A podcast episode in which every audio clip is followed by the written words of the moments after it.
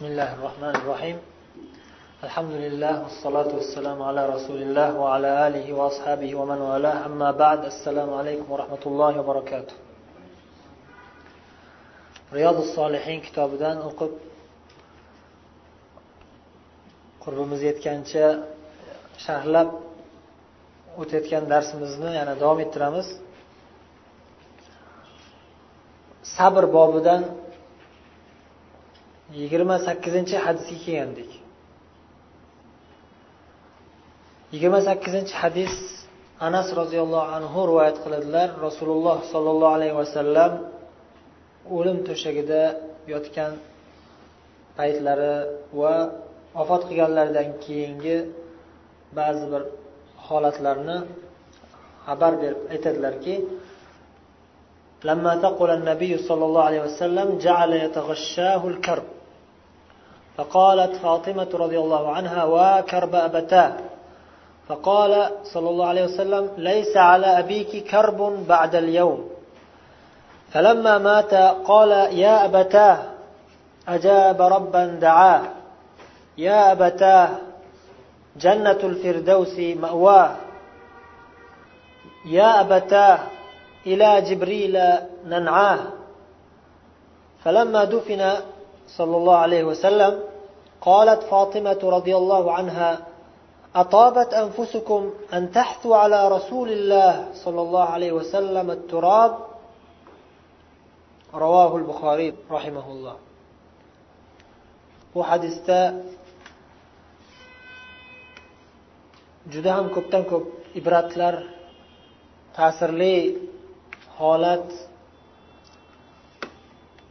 biz uchun juda ham katta bir musibatni eslatib ibrat olishimiz uchun rivoyat qilinyapti. Anas roziyallohu anhu aytyaptilarki rasululloh sollallohu alayhi vasallamga kasallik og'irlashganda taqula og'ir bo'lgan. Kasallik og'irlashgan payt karb. Karb qiyinchilik. Bu yerda ko'zda tutilgani o'sha o'lim lahzalari. O'lim lahzalaridagi sakarot qiyinchilik o'limning qiyinchiliklari.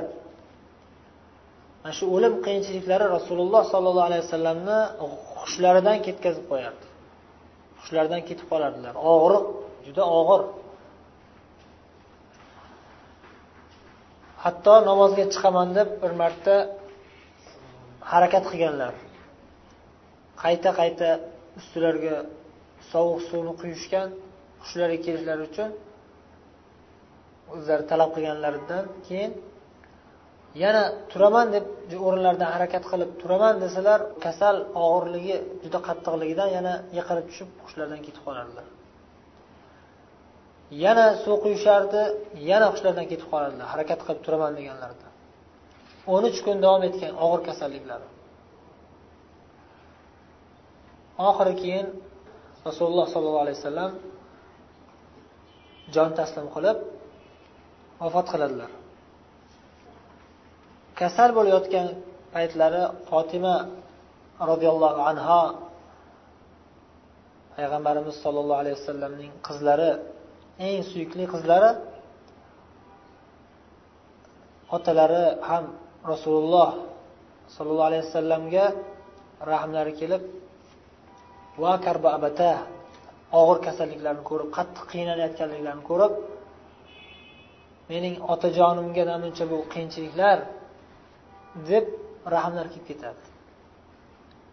Ezilardilarda va karba abata otajonimga namuncha bu qattiq qiyinchiliklar deb qiynalib ketardilar.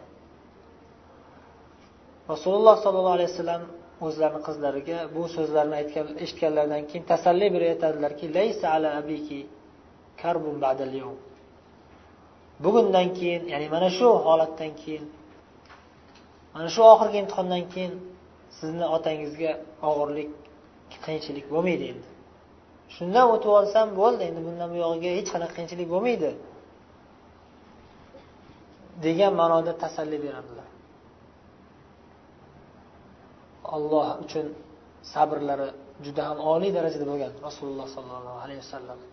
Shunchalik og'ir kasal bo'lsalar ham shunchalik qattiq qiynalsalar ham xotirjam holatda aytyapti.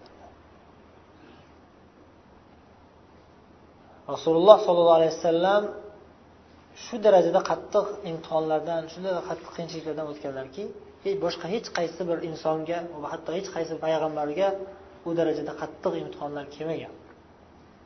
Eng og'ir imtihonlar rasululloh sollallohu alayhi vasallam boshlaridan o'tgan. Hatto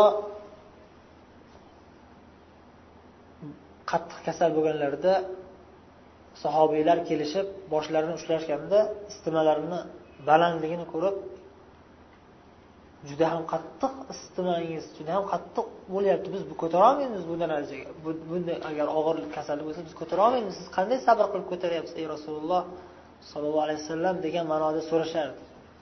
Shunda bizga payg'ambarlarga shuddida fil bala ya'ni imtihonda bizga yana ham qattiqroq bo'ladi derdilar. Payg'ambarlik maqomiga yarasha ulug' maqom o'shanga yarasha imtihon ham qattiq bo'lgan. Qiyinchiliklar ham qattiq bo'lgan. Handaq g'azotida bilasizlar sahobiylar ochlikdan qattiq qiynalishgan. Bir tomondan qo'rquv o'n ming kofirlar askarlari bostirib kelyapti. Madinaga qarab ulardan madinani himoya qilish uchun handaq chuqur qazishyapti. Chuqur qazish shu darajada qiyinki madina atrofi toshlik joylar u toshlarni sindirib kovlash uchun kuchli kuchli asboblar kerak o'zi aslida. Ular och holatlarida og'ir holatda bir necha kilometrlik masofani kovlab chiqishyapti. Bir necha metrlik chuqurlik qilib kengligi ham chuqurligi ham otlar sakrab o'tolmaydigan darajada bo'lgan. Shunday qilib kovlashgan og'ir holatda. Shunday ochlik holatda majburlikdan o'zlarini qorinlarini oshqozonlarini chalg'itib turish uchun qorinlariga tosh bog'lab olishardi. Tosh bog'lasa sal ochligi sezilmay turadi. Tosh qoringa qo'yib turib ustidan latta bilan bog'lab olsa oshqozonni bosib tursa uncha ochligi sezilmaydi. Shunday qilib olishardida keyin qattiq qiynalib ketishganda rasululloh sollallohu alayhi vasallam oldilariga shikoyat qilib ey rasululloh qattiq och qolib ketdik qornimizga tosh bog'lab oldik qattiq ochlikni ko'rsatishsa payg'ambarimiz sallallohu alayhi vasallam ham o'zlarini qornlarini ochib ko'rsatsalar qarashsa ikkitadan tosh bog'lab olgan ular bitta tosh bog'lab sabr qila oladigan holatda bo'lsa payg'ambar sallallohu alayhi vasallam bitta tosh yetmaydigan darajada qattiq och holatda bo'lganlar. Ikkitadan tosh qo'yib bog'lab olardilar. Ya'ni o'zlariga kelgan taomni ham boshqalarga beraverardilar hatto. Maqsad rasululloh sollallohu alayhi vasallam bu dunyoda shunday qattiq og'irliklardan qattiq imtihonlardan o'tganlar va sabr qilib va rozi bo'lib va alloh taologa shukronalar aytib kechalari turib tahajjud o'qiganlarida oyoqlari shishib ketardi. Oyoqlari shishib ketardi ko'p tika turganlaridan. Bitta bir rakatida ketma ket baqara surasini niso surasini oli imron surasini o'qiganliklarini rivoyat qilganlar sahobiylar. Shunday tartibda hozir qur'onda qarasanglar baqara oli imron keyin niso surasi keladi. Bir rivoyatda rasululloh sollallohu alayhi vasallam baqara surasini o'qiganlar ibn abbos birga iqtido qilib o'qiganlar yuz oyat bo'lganda sajda qilsa e, ruku qilsalar kerak deb tursam yuz oyatdan keyin ruku qilmasdan o'tib ketib qoldilar deyaptilar rivoyat qilib. Ikki yuz oyatda endi ruku qilsalar kelsa undan ham o'tib ketdi. Baqarani o'qib qo'yib ruku qilsalar kerak desam baqaradan keyin niso surasini boshlab yubordilar. Tahajjudda. Keyin niso surasini tugatganlaridan keyin ruku qiladilar desam oli imron surasini boshladilar. Bir rakatda bo'lyapti. Keyin oxiri qattiq qiynalib ketganimdan yomon ishga niyat qildim dedilar ibn abbos. Nima ishga niyat qildi desa o'tirib olgim kelib qoldi. Yomon ish niyatlari shu ekan. Biz yomon ishga niyat qilsak namozini buzib chiqib ketar ekanmiz deb o'ylaysiz. Biz hayolimizga kelgan narsa shunaqa. Ibn abbos aytyaptilar eng yomon niyatlari shu ekan o'tirib olib o'qimoqchi bo'ldim deb. Bunday qilmaganlar shuni payg'ambarimiz sallallohu alayhi vasallamga iqtido qilganliklaricha tik turgan holatlarida davom etganlar. Oysha onamiz yana rahmlari kelib payg'ambarimizdan so'radi oyoqlari shishib ketganda. O'zingizni namcha qilingiz olloh gunohlaringizni oldingi gunohlaringizni kelajakda qilib qo'yishingiz mumkin bo'lgan gunohlaringizni hammasini olloh kechirib yuborgan bo'lsa nimaga o'zingiz buncha qiynaysiz ey rasululloh sollallohu alayhi vasallam desalar nima derdilar? Abdan shakuran. Alloh taologa ko'pdan ko'p shukur aytib turadigan banda bo'lmaymanmi shuncha ne'matlarni beribdi ham payg'ambar qilibdi ulug' martabalarga ko'taribdi gunohlarimni kechirib yuboribdi. Gunohlarimni kechirib yuborgani uchun ham hech bo'lmasa shukur aytishim kerakku. Shukur aytib ibodat qilishim kerakku. Shukur aytadigan banda bo'lmayman axir deb. Shunday ibodat qiladilar. Xullas rasululloh sollallohu alayhi vasallam keyin shu o'lim to'shagidagi kasalliklaridan keyin vafot qildilar. Vafot qilganlaridan keyin fotima onamizga qattiq qiyin bo'ldi. Bitta o'zlari qoldilarda ya'ni otalari o'tib ketgan onalari o'tib ketgan singillari o'tib ketgan ukalari hammasi o'lib ketdi.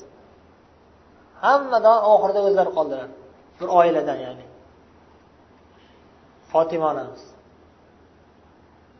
payg'ambarimiz ayollari bor jiyanlari bor amakilari bor boshqa lekin hamma farzandlaridan eng oxirgi qolgan kim? Fotima onamiz. Va onalari makka davrida o'tib ketganlar hadija onamiz. Shunga qattiq ta'sirlanganlar. Lekin o'sha ta'sirlanib yig'layotganliklarida payg'ambarimiz vafotlaridan oldin yana bir qissa esimga tushdi. Fotima onamiz qattiq ezilib yig'layotganlarida shunda payg'ambarimiz sallallohu alayhi vasallam oysha onamiz payg'ambarimiz bitta xonada bo'lib turishganda fotima onamiz fotimani chaqiradilarda fotima roziyallohu anhoni payg'ambarimiz sollallohu alayhi vasallam oldilariga yaqin keling deb ishora qiladilar keyin quloqlarini tutib yaqin kelib quloq tutib tursalar payg'ambar sallallohu alayhi vasallam maxfiy ovoz bilan past ovoz bilan bir narsada gapiradilar oysha onamiz rivoyat qilyaptilar. Kim rivoyat qilyapti? Oysha onamiz rivoyat qilyaptilar. Fotima roziyallohu anhodan fotima roziyallohu anhoga payg'ambarimiz shunday dedilar bir narsa dedilar. Oysha onamiz eshitmadilar. Keyin yig'ladilar fotima onamiz. Ta'sirlanib u gapdan ta'sirlanib yig'ladilar keyin yana ta'sirlanib yig'laganliklarini ko'rib payg'ambarimiz sollallohu alayhi vasallam rahmlari kelgan bo'lib yana chaqirdilar. Yana pichirlab quloqlariga ikkinchi marotaba bir narsa dedilar. Keyin kuldilar. Tabassum qildilar. Kim? Fotima onamiz. Shunda keyin payg'ambarimiz sollallohu alayhi vasallamdan xoli bo'lganlarida oysha onamiz so'radilar. Nima dedilar? Nimaga yig'ladingizu nimaga kuldingiz? Birinchisida yig'ladingiz ikkinchisida kuldingiz deb so'raganlarida payg'ambarimiz sollallohu alayhi vasallam sirlarini ochmayman dedilar. Aytmadilar. Keyin oradan bir necha kun o'tib payg'ambarimiz sollallohu alayhi vasallam vafot qilib ketdilar. Keyin oysha onamiz yana so'radilar. Sir saqlab aytmagandingiz vafot qilib ketdilar mana endi aytsangiz bo'ladimi? Nima degandilar deb so'raganlarida fotima onamiz keyin aytdilar. Aytdilarki birinchi chaqirib gapirganlarida aytdilarki men mana shu kasalim bilan o'laman dedilar. Mana shu hozir kasal bo'lib yotishim bu o'lim to'shagi man shunda o'lib ketaman dedilar. Vafot qilaman dedilar. Shunga yig'ladim dedilar. Fotima onamiz endi dadam o'lib ketarkanlar o'lib qolarkanlar yig'ladim keyin yig'laganimni ko'rib ikkinchi marta chaqirib yana bir narsa deganlarida nima degandilar? Mendan keyin qarindosh urug'larim ichida eng birinchi bo'lib orqamdan boradigan sensan qizim. Ta'sirlanma. Man ketaman keyin orqamdan ko'p o'tmasdan san ham kelasan orqamdan. Dedilar. Shunga xursand bo'lib kuldim keyin tabassum qildim. Payg'ambarimiz sollallohu alayhi vasallam vafot qildilar keyin olti oydan keyin fotima onamiz ham vafot qildilar. Vafot qilgan payg'ambarimiz sollallohu alayhi vasallam vafot qilgan paytlari fotima onamiz ta'sirlanib keyin birinchi kunlari ya'ni albatta musibat birinchi kelganda qattiq og'ir bo'ladi. Shuning uchun aytishadiki hamma narsalar birinchi kelgan payt kichkina bo'lib keyin sekin sekin kattalashadi. Hamma narsa birinchi boshlanishda kichkina bo'ladi. Keyin sekin sekin kattalashib boradi. Illo bitta narsa u ham bo'lsa musibat. Birinchi keyin dahshatli katta bo'lib keladi keyin qarasangiz oddiy narsa ekanku deb qolasiz. O'tib ketgandan keyin bir kun bir necha kun o'tgandan keyin. Shuning uchun hadisda rasululloh sollallohu alayhi vasallam aytganlar birinchi zarbada sabr qilgan odam haqiqiy sabr o'sha. Haqiqiy sabr birinchi zarbada bo'ladi. Ya'ni birinchi xabar kelganda shunday dahshatga tushgan paytingiz sabr qilolsangiz qolgani oson. Qolganlari oson. Musibat birinchi kelganda qattiq og'ir bo'ladi. Keyin ertasiga indiniga sekin sekin esingizdan chiqib ketaveradi. O'shaning uchun bu yerda ham fotima onamiz payg'ambarimiz sollallohu alayhi vasallamning vafotlaridan keyin birinchi kunlari qattiq ta'sirlanib quyidagi iboralarni aytib munojot qilardilar. Ya'ni o'zlarini o'zlari ovutib quyidagi so'zlarni aytib yurardilar ya abata ajaba robban daa. Uni chaqirgan parvardigoriga ijobat qilib ketgan ey otajonim debdilar. Parvardigor chaqirgan chaqirig'iga ijobat berib labbay deb ketgan otajonim ey otajonim deyaptilar. Vafot etib ketdilar payg'ambarimiz sallallohu alayhi vasallam dafn qilindilar. Shundan keyin aytyaptilar. Ya abata jannatul firdavsi ma'va firdavs jannati u kishining joyi bo'lgan ey otajonim. Firdavs jannati u zotning joylari qarorgohlari bo'lgan mening jonajon otajonim. Ya abata ila jibrila nan'a. Biz jibrilga vafotingizni xabar berib aytadigan ey otajonim eng yaqin kim payg'ambarimiz sollallohu alayhi vasallamga? Jibril. Qolganlar hammasi eshitdi. Qolgan jibril qani ko'rinmayapti jibril endi? Jibrilga kim aytadi? Jibrilga aytamiz deyaptilarda ya'ni. Jibril alayhissalomga kim ayta oladiyu aytsa hech kim aytolmaydi endi. Vahiy uzildi. Qanday qilib jibrilga biz shu musibat bo'lganini o'zi jibril alayhissalom biladilar lekin ko'zga ko'rinmagandan keyin bilmaganday tuyuladida insonga. Qani qani u odam? Eng yaqin odam ediku jibril alayhissalom. Qanilar musibatda ta'ziyada? Degan ma'noda qandaydir ma'naviy ta'sirlanish bor bu yerda. Qandaydir ma'naviy ta'sirlanish bor. Ya'ni abu bakr eng yaqin insonlardan u kishi bildilar yig'ladilar ta'sirlandilar. Umar qolgan sahobiylar payg'ambar hamma hamma bor hamma ta'sirlanibdi hammasi yig'layapti lekin yana eng yaqin o'rtoqlari eng yaqin birodarlari yo'q. Qani u? Jibril. Jibrilga aytaylik degan ma'noda ta'sirlanib shunday so'zlarni aytyaptilar.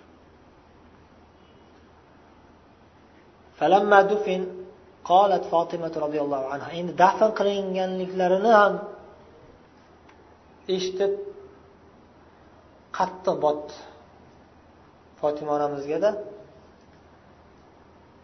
sahobiylarga qarab aytdilarda atobat anfusukum an tahfu ala rasulilloh sollallohu alayhi vasallam turob rasululloh sollallohu alayhi vasallamdek zotning tepalariga tuproqni sochib tuproq to'kib ko'mishlikka sizni nafslaringiz ya'ni vijdonlaringiz qanday qilib shunga rozi bo'ldi? Man tasavvur qilolmayapman sizlar qanday qilib rasulullohdek zotni ustilariga tuproq tashlab yerga ko'myapsizlar deb ya'ni ayol kishi zaifa bo'ladi. Bir jihatdan ikkinchi jihatdan otalar eng yaxshi ko'rgan inson eng ulug' inson eng qadrdon inson fotima onamiz uchun. Mana shu jihatlari ta'sir qilyapti. Lekin dodvoy qilganlari yo'q. Kiyimlarini yirtib baqir chaqir qilganlari yo'q. Meni dadam o'ldiradimi payg'ambardek shunday ulug' payg'ambarni degan gaplar umuman yo'q. Iymonlari kuchli. Hozirgilarga taqqoslab bo'lmaydi mutlaqo. Osmon bilan yerchalik farq. Fotima onamiz juda ham og'ir musibat juda ham katta musibat bo'lishiga qaramasdan o'zlarini tutib sabr qilib turibdilar. Lekin baribir inson baribir inson inson. Hatto rasulullohdek zot o'g'illari ibrohim alayhissalom vafot qilganda ko'zlaridan yoshlar kelib yig'lamadilarmi? Ibrohim o'g'illari vafot qilganda yig'ladilar. Zaynab qizlarini qizi farzandi o'lganda unda ham yig'ladilar. U ham hozir kelsa kerak. Keyin umar roziyallohu anhu so'radilar qanday qilib yig'laysiz ey rasululloh? deganda nima dedilar? Ha? Bu rahmat dedilar. Insonni qalbiga bergan ollohning rahmati rahm shafqatli odam bo'lgandan keyin yig'laydi dedi. Ko'ziga yosh keladi degan ma'noda javob qildilar. Bu hadisdan juda ham ko'p ibratlarni olamiz. Mana shu ibratlardan mana shu foydalardan shayx husaymin ba'zilarini zikr qilganlar juda muhim. Shulardan biri masalan rasululloh sollallohu alayhi vasallam inson sufiylarga o'xshab yoki adashgan boshqa toifalarga o'xshab payg'ambarimiz sollallohu alayhi vasallamni xudo darajasiga ko'tarish yoki u zotga xudoga xos bo'lgan sifatlarni aytish mumkin emas. Rasululloh sollallohu alayhi vasallam kasal bo'ladilar o'ladilar innaka mayyitun va innahum mayyitun dedi alloh taolo tirikliklari davrida albatta shak shubhasiz siz ham o'lasiz ey muhammad ey rasululloh va innahum ular ham hamma insonlar o'lishadi وما محمد إلا رسول قد خلت من قبله الرسل أفإن مات أو قتل انقلبتم على أعقابكم al aya ya'ni muhammad kim muhammad? Va muhammad muhammad hech kim emas illa magar rasul ollohni rasuli elchisi. Ollohni bir elchisi bu elchidan oldin ham bir qancha elchilar o'tgan hammalari o'lib ketishgan ular ham. Agar o'lsa endi shu muhammad. Av qutila. Yoki qatl qilinsa qachon nozil bo'lyapti bu? Uhud jangida nozil bo'lgan. Ikkinchi hijriy sanada madinaga endi kelib joylashib endi davlat qilib turamiz deyishsa badrda g'olib bo'lib xursand bo'lib turishsa undan keyin bir yil o'tib o'tmasdan kofirlar bostirib kelib qattiq hujum qilib payg'ambarimiz sollallohu alayhi vasallam jarohatlanganlarida uhud jangida mish mish tarqatadi shayton baqirib muhammad o'ldirildi deb shunda bir qancha sahobiylar o'zlarini yo'qotib qo'yishadi. Endi rasululloh qanday qilib qatl qilinishi mumkin? Kofirlar qo'lida. Olloh himoya qilmaydimi degan shayton shunday vasvasa olib kelib qo'llaridan qurollarini tashlab o'tirib qolishadi qotib qolishadi. Mana shularga xitob qilib alloh taolo nozil qilgan shu oyatni ya'ni o'lsa yoki oddiy tabiiy o'lsa yoki qatl qilinsa jihodda orqaga qaytib tashlab ketasizlarmi shu dinni. Oddiy muhammad bu oddiy payg'ambarku bu. Xudo emasku insonku bu ham. Inson borki o'ladi. Maxluq borki o'ladi ham. Degan ma'noda. Shu narsalar hayollardan ko'tarib qolar. Ba'zi payg'ambarimiz sollallohu alayhi vasallam vafot qilganlarida haqiqatdan vafot qilganlarida ham umarda eng ulug' zot eng ulug' sahobiylardan birlari ham yo'q o'lmaganlar deb turadi ishongilar kelmayapti ko'tara olmayaptilar musibat og'irligini. Yo'q o'lmaganlar. Olloh bilan uchrashgan ketganlar qaytib keladilar. O'lmaganlar. Keyin abu bakr roziyallohu anhu shu yerda eng katta olim va eng katta sabrli sahobiy ekanliklarini olloh ko'rsatadi. Kelib umar xutba qilib turganlarida payg'ambarimiz oldilaridan chiqib abu bakr ijlis deydi o'tir deydi umarga. Minbarga chiqib xutba qilib boshlaydilar. aytadilarki shu xutbalarda asosiy nuqtasi من كان يعبد محمدا فإن محمدا قد مات ومن كان يعبد الله فإن الله حي لا يموت dedilarda keyin haligi oyatni o'qinglar وما محمد إلا رسول قد خلت من قبله الرسل أفإن مات أو قتل انقلب shu oyatni o'qiganlarida sahobiylar keyin o'zlari kelishadi U oyat eslariga tushmay qoladi. Musibat og'irligidan o'zlarini yo'qotib qo'yishib bunaqa oyatlar eslariga tushmaydi. Anasmi qaysidir bir sahobiy rivoyat qiladilar. Abu bakr minbarda turib shu xutbani aytganlarida shu oyatni o'qiganlarida ko'zimiz ochilib iye shunaqa oyat bor edi yangi xuddi birinchi marta eshitayotgandek tuyulgan bizga. Yangi oyat nozil bo'ldimi? Deb yo'q bor bordiku shunaqa oyat esimizdan chiqib qolibdi degan ma'noda sahobiylar o'zlariga kelishgan o'shanda.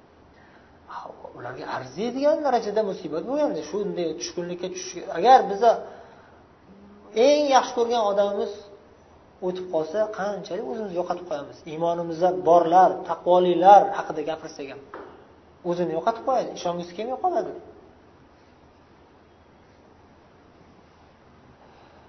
Alloh taolodan sabr sabot so'rash kerak. Demak eng asosiy foydalardan biri payg'ambarimiz sollallohu alayhi vasallam eng ulug' inson eng ulug' banda payg'ambarlarni ichidagi eng ulug' payg'ambar. Butun koinotdagi eng ulug' banda birorta farishta hatto jabroil alayhissalom ham payg'ambarimiz sollallohu alayhi vasallam darajasida emas. Jabroil alayhissalomdan ham ulug' zot muhammad ibn abdulloh sollallohu alayhi vasallam. Lekin baribir banda. Baribir u kishi ham bir banda. Inson. Kasal bo'ladilar vafot qiladilar uxlaydilar yeydilar ichadilar tahoratlarini bo'shatadilar va hokazo.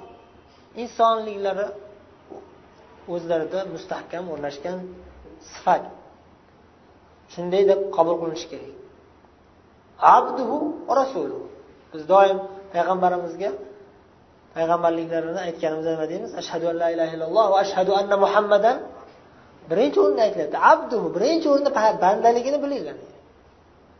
Keyin rasul ikkinchi daraja oliy daraja. Birinchi pog'ona banda. Keyin oliyroq pog'onani eslaysizlar rasulu ollohni rasuli qur'onda ham bir qancha oyatlarda eng ulug' maqomlarini zikr qilganda payg'ambarimiz sollallohu alayhi vasallamga alloh taolo bandasi ekanligini eslatib zikr qilgan. Subhanallazi asro bi rasulihi dedimi? Bi abdihi dedi. Bi abdihi dedi. Kimni aytyapti? Rasululloh sollallohu alayhi vasallam aytyapti. Tabarakallazi nazzala al-furqona ala abdihi dedi. O'zini bandasiga dedi. Va hokazo ko'pdan ko'p oyatlarda birinchi o'rinda bandaliklarini eslatadi. Allohning bandasi eng ulug' maqom bo'lmasam qur'on kimga nozil bo'lgan boshqa? Bunday qur'on nozil bo'lgan bir ulug' maqom kimnidir qalbiga bevosita olloh qur'onni nozil qilgan kim bor dunyo koinotda? Butun koinotda yo'q hech kim. Illo jabroil alayhissalom va payg'ambarimiz sallallohu alayhi vasallam. Jabroil alayhissalomga bu senga deb aytilmagan muhammadga olib borib bergin deb aytilgan. To'g'rimi? Bu saniki emas bu konvert xat maktub payg'ambar muhammadga olib borib bergan topshirilgan. U bevosita gaplashganlardan tashqari ya'ni. Bevosita alloh taolo bilan ham o'zlari gaplashganlar. Va hokazo bandaliklarini eslatiladi. Birinchi o'rinda. Yana shu hadisdan olinadigan foydalardan ta'ziya uchun va musibat og'irligida ta'sirlanib ma'lum bir so'zlarni aytsa joiz. Ulamolar aytishadi shu narsaga ruxsat berilgan. Yasir ya'ni yengil iboralar bilan o'lgan odamni eslash zikr qilish. Yaxshi sifatlarini eslab o'lgan odamni yaxshi sifatlarini eslab e, ba'zi bir iboralar bilan maqtab sog'inch e'lon qilish joiz. Sog'inch e'lon qilish joiz. Oysha ona fotima onamiz bu yerda aytayotgan gaplariga o'xshash. Sog'inch e'lon qilyaptilar bu yerda. Ey otajon deb sog'inganliklaridan qattiq ta'sirlanganliklaridan aytyaptilar va haddan oshmagan. Mana shu darajada bo'lsa bu ruxsat bunga. Mana shu ham olinadigan foydalardan.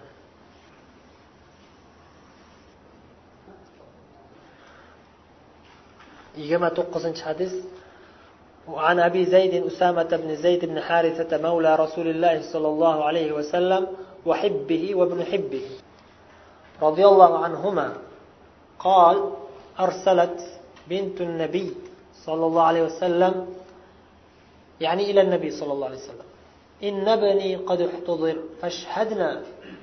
فأرسل يقرئ السلام ويقول إن لله ما أخذ وله ما أعطى وكل شيء عنده.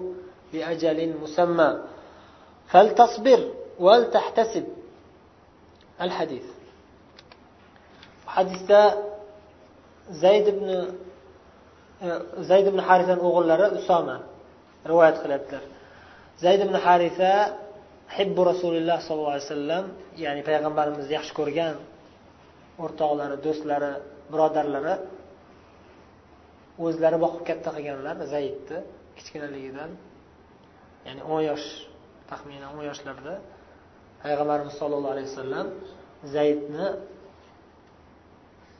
ozod qilib ya'ni nohaq ravishda qul qilib olingan bo'lgan u kishi birinchi keyin hadija onamizga sotilganmi kimdir sotgan yoki hadya qilgan hadija onamiz payg'ambarimiz sollallohu alayhi vasallamga sovg'a qilganlar zayd. Payg'ambarimiz sollallohu alayhi vasallam ozod qilganlar va bu mening o'g'lim deb o'zlarini o'g'illaridek boqib katta qilganlar. O'n yoshliklar atrofida bo'lgan. Bir urush bo'lganda bir, bir qabila o'zlari shu zayd qabilasi yutqazib shu zayd o'g'irlanib ketib qoldi. Shunga o'xshagan bir voqea bo'lgan. Xullas zayd ibn horisani juda qattiq yaxshi ko'rardilar. Zayd ibn horisa ham payg'ambarimizni shu darajada qattiq yaxshi ko'rganlaridan otalari kelib amakilari bilan otalari kelib o'g'illarini eshitib makkada ekan o'g'lingiz deb odam xabar tarqab qayerdaligini bilmasdan yurgan bo'ladi. Otasi urush bo'lgan o'g'il o'g'irlanib ketgan yoki asirga olib ketilgan kimni qo'lida qayerga sotilgan hech narsadan bexabar. Oxiri xabar tarqaydiki makkada ekan yaxshi bir oilada ekan borib so'rasang yo'q demaydi ular. Yaxshi oilani qo'lida ekan muhammad degan bir yaxshi odam bor sodiq amin. Va hokazo gaplarni eshitib xursand bo'lib kelishadi. Ota bilan amakisi zayd otalari harisa bilan amakilari kelishib olib ketgani keldik deb muhammad sallallohu alayhi vasallam payg'ambarliklaridan oldin bo'layotgan voqea. Zayd kichkina bo'lgan paytlari juda kichkina bo'lmaganlar yani oradan bir besh olti yil o'tgan bo'lsa bir o'n besh yosh yigirma yosh bo'lgandirlar. Xullas zayd mayli desa man qarshi emasman dedilar xursand bo'lib ketishadi. Ya'ni sotib olamiz pul berib bo'lsa ozod qilib o'g'limizni olib ketamiz deb kelgan ular. Hali berarmikin yo'qmikin shu zayd mayli desa olib ketaveringlar qani chaqiringlarchi zaydni kimni tanlar ekan manimi sizlarnimi sizlar xursand bo'lib ketishadida bizni tanlaydida albatta. Otasini tanlaydida albatta. Hech qachon birov boshqa odam tanlaydimi? Xursand bo'lib chaqirib kim tanlaysiz alloh rozi bo'lsin. Endi nima deganlar aniq lafzi esimda yo'q lekin muhammad sallallohu alayhi vasallamdan boshqa hech kim ketmayapman sallallohu alayhi vasallam demaganlar payg'ambar bo'lmaganlar hatto bilmayman. Muhammad mani dadam. Muhammaddan boshqa hech kimga bormayman. Sizlar bilan aloqamiz siylay rahm bordi keldi. Otajonsiz amakimsiz e, hammasi o'rnida lekin baribir muhammad sallallohu alayhi vasallam bo'lib hamma hayron bo'lib qoladi haligi. Atrofdagi guvohlar ham otasi ham. Keyin payg'ambar alayhisalom xotirjam qilish uchun makka ahlini chaqiradilarda ota onasi otasi bilan amakisini xotirjam qilish uchun makka ahlini chaqiradilarda ey ahli makka guvoh bo'linglar. Zayd mening o'g'lim. Zayd ibn muhammad deb aytaveringlar men bilan birmiz ya'ni farqimiz yo'q zayd bilan. Shu darajada qattiq yaqin bo'lishgan otasi ham xursand bo'lib ketadi. Keyin katta bo'lganlaridan keyin zaydga zayd ibn horisaga o'zlari yaxshi ko'rgan e, ayol olib beradilar. Ummu aymanga uylanadilar. Ummu ayman yoshi katta ayol bo'lganlar.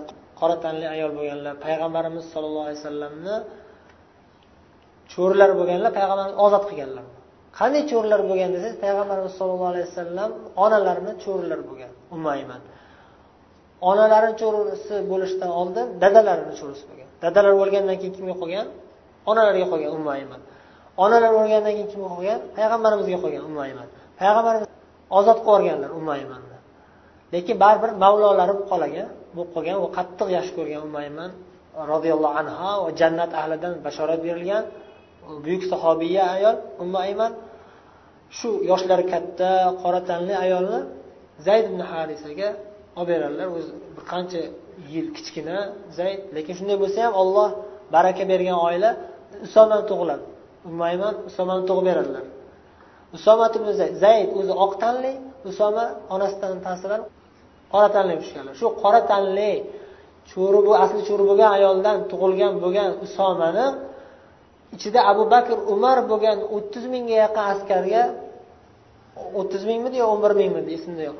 Ya'ni bir necha minglab sahobiylardan tashkil topgan askarga usomat ibn zayd o'n olti yoshli yosh yigitchani amir qilib qo'yadi.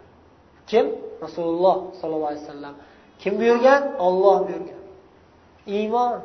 Taqvo ilm qarang qay darajaga baland maqomga ko'targan o'zlari qop qora tan. Yoshlari o'n olti yosh. Shunday oddiy insonni bizni nazarimizda insonlar nazarida lekin olloh nazaridachi juda ulug' zot. U bir necha minglab sahobiylardan tashkil topgan askar askarlarga lashkarga amir qilib qo'yganlar hammanglar itoat qilinglar usomat aytgan zaydga usomaga lekin shunday hurmat qilsalar ham lekin ollohni shariati o'rni kelganda hech qachon hech kimni shafoati hech kimni hurmati ketmas edi usomani yaxshi ko'radilar payg'ambarimizga aytsin usoma bitta o'g'ri ayol qo'lini kesamiz deyishyapti. Mahzumiya mashhur qabila bani mahzum qurayshdan. O'g'irlik qilib qo'yibdi shuni qo'lini kesamiz kimga aytsaku kimni gapini qabul qiladilar payg'ambarimiz sollallohu alayhi vasallam? Shunday buyuk qabiladan bo'lgan bir ayolni qo'lini kesilmasa yaxshi bo'lardi. Bizni qabilamizga sharmandalikku bu. Qurayshdan bo'lgan bani mahzumdan bo'lgan mashhur oiladan bo'lgan ayolni qo'li kesildi degan gap yaxshi gap emas. Shuni payg'ambarimizga sekin shafoat qilib aytaylik qo'li kesilmasin. Kimga aytdi usomadan boshqa odam gapi o'tmaydi. Usomani juda qattiq yosh usoma iltimos san keyin yoshroq bola kichkinaroq bola qalbi erib mayli deb yuborishlari ham mumkin. Deb usomani o'rtaga qo'yib kirishgan nima dedilar olloh chegara qilib qo'ygan jazo olloh belgilab qo'ygan jazoni yo'qotish uchun shuni olib tashlash uchun shafoat qilasan deb g'azablar qattiq inkor qilganlar. Va usoma u talab qilgan odamlardan juda qattiq xafa bo'lganlar keyin. Xullas juda qattiq yaxshi ko'radilar usomani ham. Shu kishi rivoyat qiladilar roziyallohu anhu payg'ambarimiz sollallohu alayhi vasallamni qizlarini o'g'li zaynab binti muhammad sallallohu alayhi vasallam. Zaynab roziyallohu anhoning qizlar o'g'illari payg'ambarimiz qizlarini o'g'illari ya'ni nevaralari payg'ambar sallallohu alayhi vasallamni kasal bo'lib jon taslim qilayotgan holatda edi. Kichkina chaqaloq o'zi kichkina farzand nabiralari shu onasi payg'ambarimiz qizlari qattiq ta'sirlanib dadalarini chaqiradilar odam yuboradilar bolam o'lyapti. Chaqaloq o'lyapti. Jon taslim qilyapti. Keling yordamga deb otalariga odam rasululloh degan zot. Kelib bir duo qilsalar shifo topib yaxshi bo'lib ketishi ham mumkin. Katta umid bor lekin nima bo'lganini eshitdilar shunda rasululloh sollallohu alayhi vasallam kelgan elchiga aytdilarki qaytarib qaytib borginda qizimga aytgin. Salom aytgin va unga aytginki shak shubhasiz alloh taolo nimani olgan bo'lsa o'sha narsa o'zi ollohniki edi u. Olib qo'ygan narsasi ham ollohniki berib qo'ygan narsasi ham ollohniki nimani olib qo'ysa u ham ollohniki nimani bergan bo'lsa u ham ollohniki barcha narsalar ollohning huzurida ajali belgilab yozib qo'yilgan. Ajali muddati ya'ni qancha kun yashaydi qancha kundan keyin o'ladi qanday yashaydi va hokazo. Hammasi ollohni huzurida yozib qo'yilgan. Aytib qo'yinglar qizimga. Sabr qilsin. Va tahtasib ya'ni ajr savob umid qilsin. Sabr qilib farzandi o'lganidan ollohdan ajr savob bo'lishini so'rasin. shunga sabr qilganligi uchun فأرسلت إليه تقسم عليه ليأتي ليأتينها فأرسلت إليه تقسم عليه ليأتينها qaytadan yana elchi yubordilar haligi elchini meni boshqasini yuborib qasam ichib so'rayman iltimos kelsinlar dadam kelsinlar ko'tarolmayapman musibat og'ir o'zim bolam o'zimni qo'limda jon taslim qilyapti degan ma'nodami juda ham og'ir holat فقام ومعه سعد بن عبادة ومعاذ بن جبل وأبي بن كعب وزيد بن ثابت ورجال رضي الله عنهم shundan keyin rasululloh sollallohu alayhi vasallam sollallohu alayhi vasallam o'rinlaridan turdilar rahm shafqatlari kelib o'rinlaridan turib qizlarini uyiga yo'l oldilar u kishi bilan birga bir qancha sahobiylar jumladan sad ibn ubada va muad ibn jabal ubay ibn kab zayd ibn sabit buyuk sahobiylar va bir qancha yana sahobiylar فرفع إلى رسول الله صلى الله عليه وسلم الصبي chaqaloq jon taslim qilib o'layotgan chaqaloq rasulullohga ko'tarildi topshirildi o'zlarini qo'ynlariga olib o'tirg'izdilarda taqaqa degani ya'ni pitirchilayapti topshiryapti o'lyapti bu holatni ko'rgan rasululloh sollallohu alayhi vasallam qattiq ta'sirlanib ko'zlaridan yoshlar oqib ketdi ko'zlaridan yoshlar oqib ketdi faqola sad ya rasululloh ma hada nima bu yig'lashingiz ey rasululloh deb so'rashdi sad so'radilar فقال هذه رحمة جعلها الله تعالى في قلوب عباده bu olloh taolo o'zining bandalarining qalbida paydo qilib qo'ygan yaratib qo'ygan rahmat rahm shafqat bu. O'zining bandalaridan xohlaganiga beradigan rahmat. Hammada ham bo'lavermaydi. Berahm beshafqat qalbi tosh kimsalar ham bor. Otasini o'ldirgan kimsalar yo'qmi? O'zini o'g'lini o'ldirganlar yo'qmi? Billah. Lekin alloh taoloning rahmati kimga berilgan bo'lsa o'sha odam rahm shafqatli bo'ladi.